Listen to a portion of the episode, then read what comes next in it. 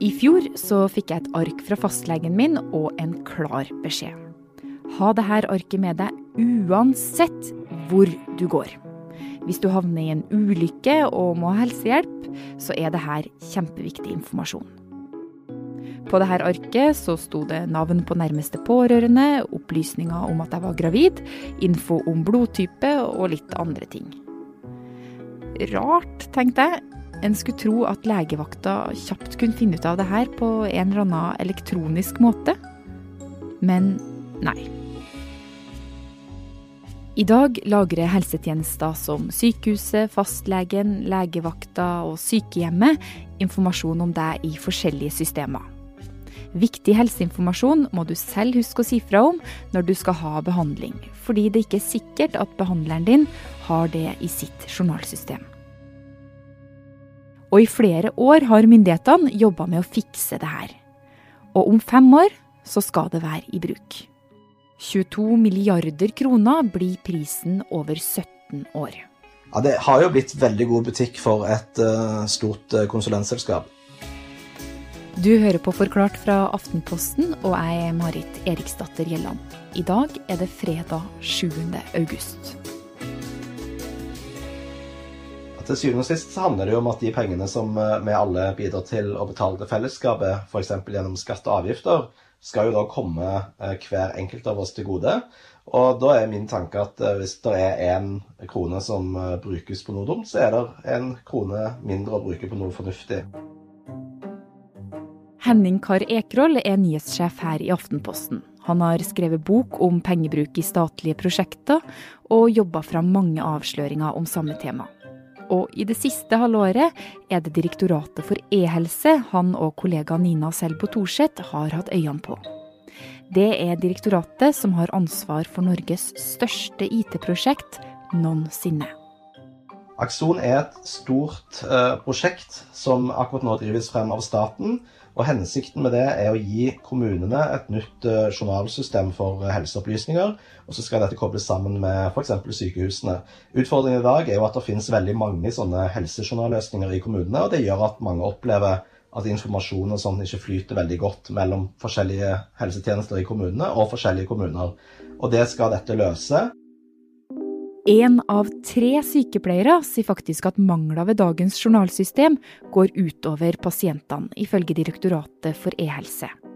Det er de som har ansvar for Akson-prosjektet, og størrelsen på dette prosjektet var det som gjorde at Henning og Nina begynte å undersøke mer. Det startet jo egentlig at vi forsto at dette er et stort IKT-prosjekt, og med en historikk der mange andre store offentlige IKT-prosjekter har havarert så er det interessant å gå inn i debatten rundt dette og prøve å forstå litt mer hvordan det er planlagt og hvordan det skal bli. Eh, men på et tidspunkt så fikk vi da et tips om at det var et uh, spesifikt konsulentmiljø som hadde vært veldig sentrale i arbeidet med dette over tid. Etter det tipset så begynte de å samle inn og gå gjennom flere tusen dokumentsider. Og det var ett selskap og ett navn som gikk igjen og igjen. Vi er straks tilbake.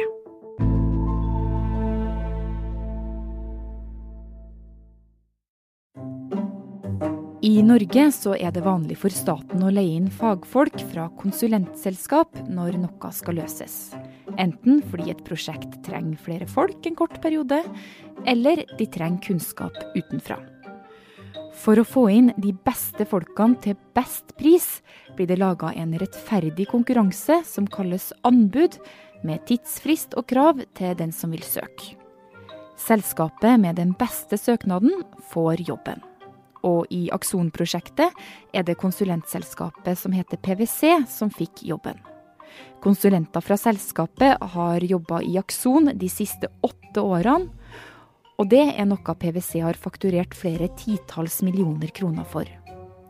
Og det er det her Henning har gravd mer i. Nei, Vi syns det er interessant å se nærmere på det maktforholdet mellom private aktører som tjener penger på offentlig forvaltning, og offentlig forvaltning som skal være nøytral eh, og gjøre det beste for fellesskapet. Og Da er jo det sentrale spørsmålet i denne saken her hvordan vet vi at det er fellesskapets interesser som ivaretas her, og ikke eh, de økonomiske inntektene til PwC når PwC som konsulentselskap i så mange år har fått en såpass sentral rolle i arbeidet med, eh, med dette prosjektet. Henning og kollegaene hans har søkt innsyn og fått flere tusen dokumentsider med bl.a. kontrakter og anbud. Og de har snakka med folk i og rundt Akson-prosjektet, denne IT-satsinga for å samkjøre journalsystemer. Og i her dokumentene finner de en del interessant. Det vi oppdager, er jo at eh, gjennom den lange utredningsperioden som da har ført fram til det som i dag kjennes som Akson, så har eh, et konsulentmiljø i PwC blitt veldig sentrale. Eh, og i denne perioden så har òg Direktoratet for e-helse og det som tidligere var e-helseavdelingen i Helsedirektoratet, betalt ut stadig mer penger til PwC for konsulenttjenester, og òg stadig mer penger for konsulenttjenester knytta til dette prosjektet spesifikt. Og det er på dette tidspunktet her, og vi blir oppmerksomme på at det er en som heter Are Muri, som er eh, PwC-partner, altså deleier i selskapet, og at han har vært helt sentral i arbeidet gjennom mange år. Men det er klart at Når man har en konsulent som er innleid i så lang tid, så er jo spørsmålet man kan stille seg, er jo om det ikke burde vært mulig å heller ansette noen fast. For det er nemlig ett navn som går igjen i veldig mange av dokumentene Henning har. Are Muri. I noen dokumenter signerer han som prosjektleder for Akson i Direktoratet for e-helse. Samtidig så signerer han jo eh, avtaler på vegne av PwC, der han er partner, altså deleier. Are Muri eier en bit av PwC og har representert selskapet i forhandlinger med e-helsedirektoratet, samtidig som han har jobba for direktoratet. Og det er det her to professorer Aftenposten har snakka med, kaller for rolleblanding. Ja, Det som er kjernen der, er jo at i dokumentene som vi har gjennomgått fra Direktoratet for e-helse, og i type styrereferater og konferanseoversikter og sånn, så fremstår jo Are Muri som en representant for Direktoratet for e-helse, altså en, en statens mann. Eh, og det flere da reagerer på, er jo at man lar en person som har åpenbart økonomiske interesser i å tjene mest mulig penger eh, på den jobben de gjør for direktoratet, fremstår som en representant for forvaltningen, altså staten, som da skal være nøytrale uh, aktører. Uh, og det er på en måte kjernen i, i, den, i det man kan kalle en rolleblanding. Det her er ikke direktør i Direktoratet for e-helse, Kristine Bergland, enig i. For det første, sier hun, er konsulentbruk i statlige prosjekter vanlig, også i hennes direktorat. Det er en bevisst strategi hun sier det er fordi de ofte trenger mer kompetanse enn den de har selv. Vi skal løse mange forskjellige oppdrag eh, gjennom året. Eh, og da er det viktig å kunne gå ut i markedet og hente inn folk som kan supplere våre egne ansatte. I tillegg så bruker vi det fordi de kan ha spisskompetanse. Eh, og så er det selvfølgelig også viktig å tilføre de ansatte hos oss kompetanse. Det kan vi få fra konsulentene. Og for det andre så sier hun at de på flere måter sikrer at Muri og andre konsulenter ikke setter egne økonomiske interesser foran skattebetalernes. Vi har jo et regelverk eh, i Norge som vi følger. Eh, vi har rutiner internt som vi følger. Eh, vi har alltid egne folk som sørger for å håndtere hvem vi skal leie inn fra konsulentselskapene. Eh, sånn at eh, det er ingen dobbeltroller ute og går eh, i, i dette eller andre tilfeller. Men det er også noe i papirene Henning har fått tilgang til som får fagfolk til å rynke ekstra på nesa. For i 2018 så skulle Direktoratet for e-helse legge ut en ny jobb i Akson-prosjektet på anbud. Det som da skjer, er at, er at konsulenter, eller dette konsulentteamet som har jobbet med utredningen før, få lov å komme med innspill til hva som skal skje videre. Når anbudet blir lagt ut, er søkefristen seks arbeidsdager, og et kriterium for å få jobben er lang erfaring fra store statlige IKT-prosjekter. PwC har masse erfaring etter å ha jobba flere år med Akson, og får på seks dager levert en søknad på 44 sider. Jobben går til PwC. Kontrakten er verdt 75 millioner kroner. Og, og, det at de på den måten får på en måte komme med innspill til en kontrakt de selv får, det har blitt påpekt av eksperter som kan anskaffelsesregelverket godt, som et regelbrudd. Ja, hva er grunnen til at uh, noen eksperter mener at dette er problematisk og et lovbrudd, da?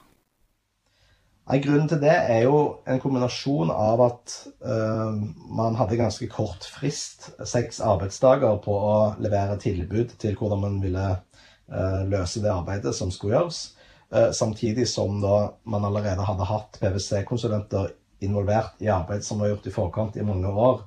Og når vi da spurte direktoratet om noen i dette teamet i for, forkant fikk komme med innspill til hvilke krav som skulle stilles videre i arbeidet, så sa direktoratet ja, det hadde de gjort. Og akkurat dette er kjernen i det som ble blir påpekt som problematisk, nemlig at man da kan få en, en urettmessig fordel fordi man allerede har veldig godt innblikk i hva slags type krav og hva slags type arbeid det vil være nødvendig å gjøre videre. Og da, snak, da snakker man jo om her en kontrakt verdt 75 millioner kroner, så det er jo en del penger som står på spill. Direktoratet for e-helse sier at de ikke har brutt loven. For direktør Bergland mener det ikke er riktig å si at konsulentene fikk komme med innspill til kravene i den nye kontrakten. Nei, ikke utover at uh, prosjektet, som består av konsulenter, også legger planer. Uh, det er jo det de skal gjøre. Og sier da hva som trengs å gjøres i årene eller det neste år eller to. Og der er de inne. Eh, og så er det vi som beslutter hvordan vi vil bemanne og løse de oppgavene. Og fristen på seks arbeidsdager, åtte kalenderdager, er ifølge hun ikke så uvanlig.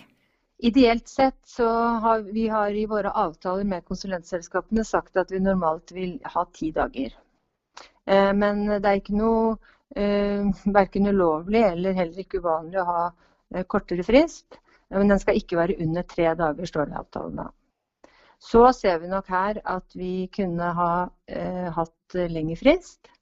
Eh, og det er vel kanskje noe av det vi kommer til å eh, si til departementet. At eh, i dette tilfellet, og kanskje også i andre tilfeller, så bør vi legge oss på at vi alltid holder oss rundt ti dager. Selv om det er lovlig å bruke kortere tid, da. Og eh, Henning, du har jo jobba med mange saker som det her eh, gjennom eh, historien, egentlig. Du har skrevet bok om det til meg også.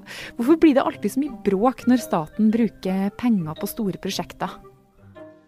Nei, Det er jo nok eh, fordi det finnes veldig mange eksempler på at det går galt. Eh, enten fordi store prosjekter blir, eh, blir veldig mye dyrere enn man innledningsvis har tenkt Eh, eller rett og slett fordi man ikke klarer å gjennomføre det fordi det blir for komplisert, eller man har undervurdert hvor komplisert det blir uh, underveis. Så det fins en sånn automatisk ryggmargsrefleks hos veldig mange som kjenner disse prosjektene, at, at man vet at her er det en, en, risiko for at det kan gå galt igjen. Og det, også, det kommer jo frem i på en måte vurderingen av dette prosjektet, at det er veldig høy risiko knytta til det. Samtidig som man for fem år siden sa fra regjeringshold at nå er tiden for de store digitale prosjektene den er over. Og så kommer man altså nå med dette som, som vil bli de største noensinne. Så sett litt i lys av det, så er det jo eh, åpenbart eh, grunn til at mange rettmessig kan bli litt bekymra når man snakker om å bruke så mye penger på et så stort og komplisert prosjekt. Og du, mens denne debatten eh, raser, så er det jo et mål om at eh, det her journalsystemet skal være på plass om ikke så altfor mange år. Tror du, tror du det kommer til å gå? Ja, altså Målet er jo at man skal ha rulla dette ut i alle kommunene om ti år. Eh, så om det altså Historisk sett så har det i alle fall vist seg at det er i så store IKT-prosjekter som dette, så har det iallfall vist seg at det er veldig stor risiko for at et eller annet går galt underveis. Og at man da får en forsinkelse eller kostnadsoverskridelse. Så det er i alle fall en viss mulighet for at det kan skje, men det kan jo hende det går helt fint. Men det som òg er viktig å ta med seg, er at det, eh, det finnes ingen land i verden som har klart å få til en sånn nasjonal utrulling av et sånn type system. Eh, britene brukte 100 milliarder kroner eh, på noe lignende for en 10-15 eh, år siden. Og, det, og da ble det brukt ja, det ble forferdelig mye penger, og det fungerte ikke som det skulle. Så, så det er vanskelig å se på en måte sånne suksesseksempler i andre land eller andre steder. Og det gjør jo at dette kommer til å bli ekstremt spennende. For hvis det faktisk går uh, som planlagt, så vil jo Norge være en pioner i dette arbeidet. Og, og det tror jeg nok mange vil kunne si at da har vi virkelig noe å, å, å slå oss på brystet med.